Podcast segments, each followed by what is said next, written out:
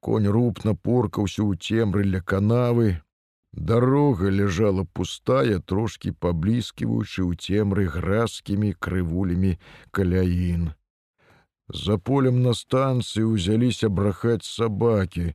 Там жа, дзесь на подворку, бліснула чырвонае святло, мусіць сенцаў. Там цяпер цёпла і сытна, варыць на вячэру бульбачку падумаў войцік, а тут во глытай слінкі ды калей на гэтым узлеску.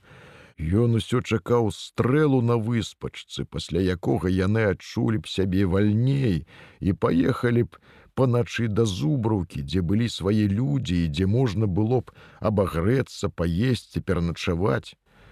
Мінула, мабыць, ужо з гадзіну, а стрэлу ўсё не было.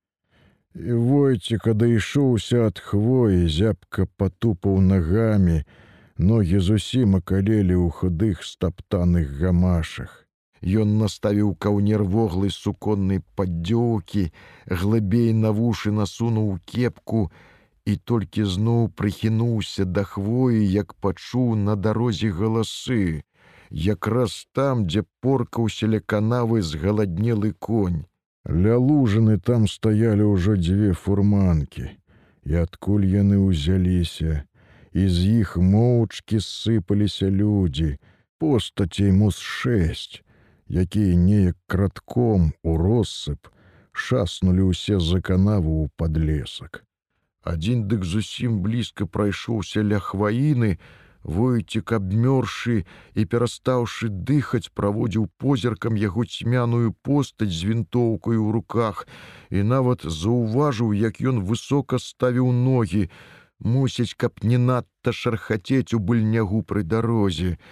Як на тую бяду з баравінкі данеслася некалькі слоў, мусіць, бураў нешта гукаў сушэню. Спярша змярцвеламу войціку здалося, што гэтая постаць прэ проста на яго да хваіны, але яна моўчкі і ціха падалася ў падлесак.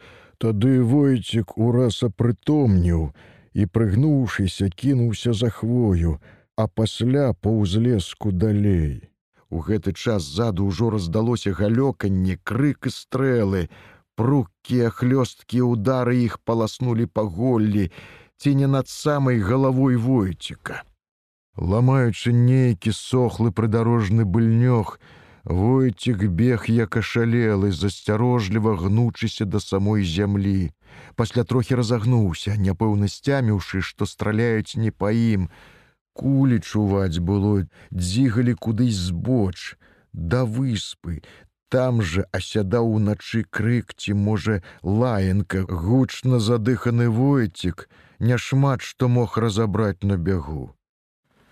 Унізе, якраз ля забалаці залешнікам, ён знямогла, прыпыніў свой бег, слухаючы, ці не пачуецца дзе бураў, але бурава нідзе не было.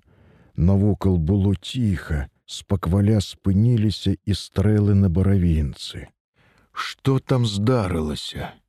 Але што магло здарыцца, калі абрынуліся паліцаі, мусіць, забілі бурава і аслабадзілі сушэню. Трэба было яго валачы ў гэты лес. Мабыць, жонка збегала да каменданта, то і паслаў даганяць. Ну, трэба было яму ўшчынаць тую магілу.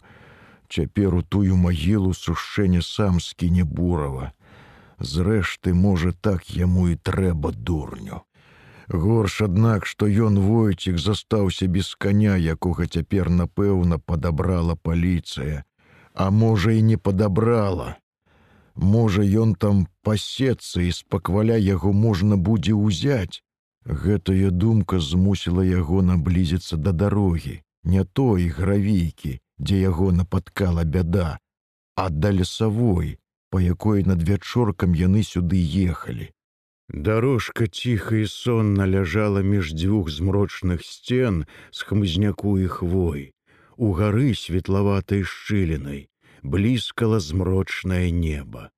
Каб лепш чуць, Войцік прыпыніў дыханне і сціх. Здалося, быццам ад баравінкі данесліся галасы, але калі ён лепей услухаўся, галасы прапалі. Можа, тыя паехалі.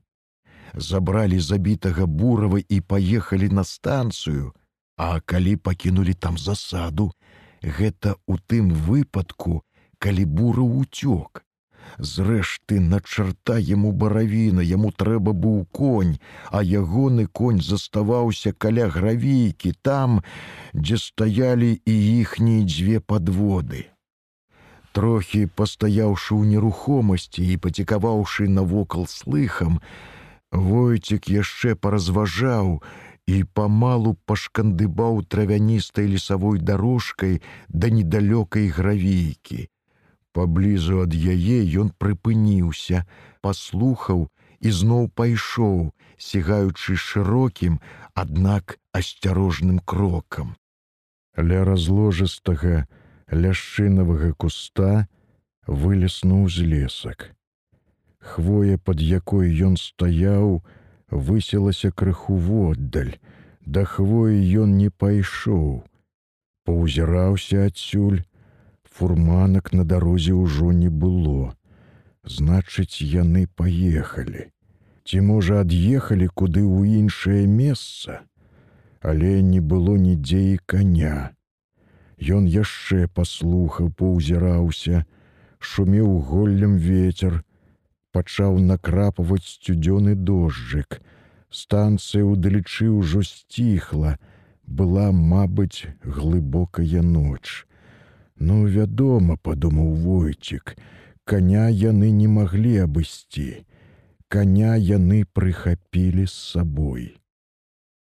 Ён яшчэ раз са злосцю памянуў гэтага недарэку бурава і яго неразумнае патуранне сушэнню, падумаў, што мусіць, няма ўжо ніякай рацыі марна тырчэць тут у гэтым праклятым лесе, трэба пакуль не развіднела падавацца ў зубраўку і далей у партызанскую пушчу.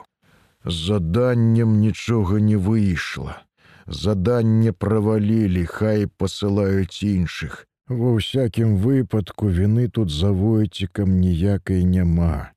Ва ўсім вінаваты бураў. Гэтую лесавую дарожку ён трохі запомніў з учарашняга, паселішчаў паблізу быццам нідзе не было і, мабыць, яму можна пакуль не баяцца.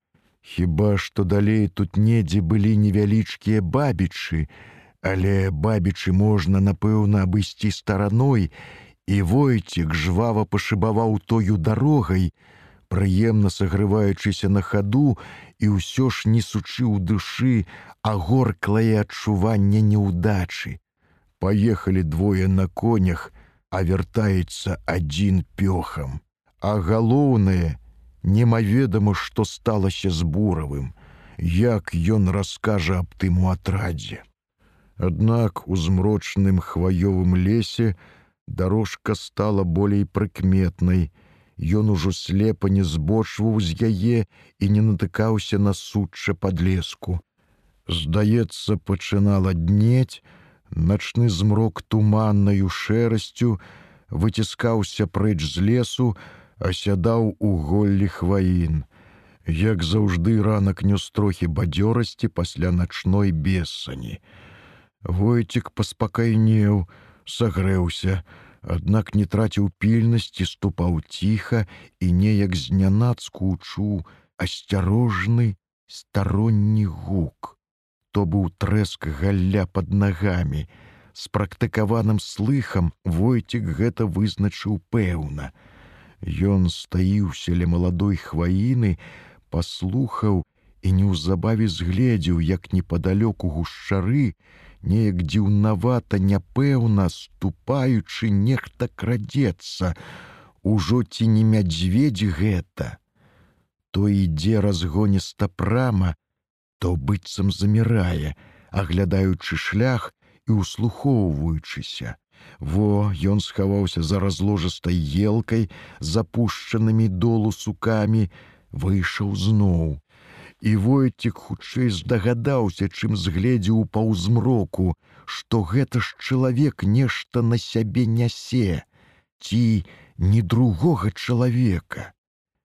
Няпэўная яшчэ здагадка стукнулася ў свядомасці войціка, і ён, нерашуча сышоўшы з дарогі насустрач, ціха гукнуў: бураў.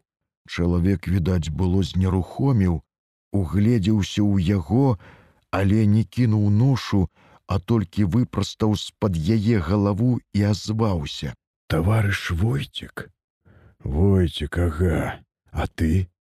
Ужо нешта сцяміўшы, Войцік запаволеным крокам ішоў па мяккім імшарніку да начнога сустрэчнага. І перад ім усё болей выплывала з паўзмроку, крутаплечая постаць сушэнні з вінтоўкай на шыі, якую той, аднак не спяшаўся хапаць у руки і тым трохі супакоіваў войціка спаткаліся, называется без жаднай злосці хутчэй паныла сказаў войцік, што з буравым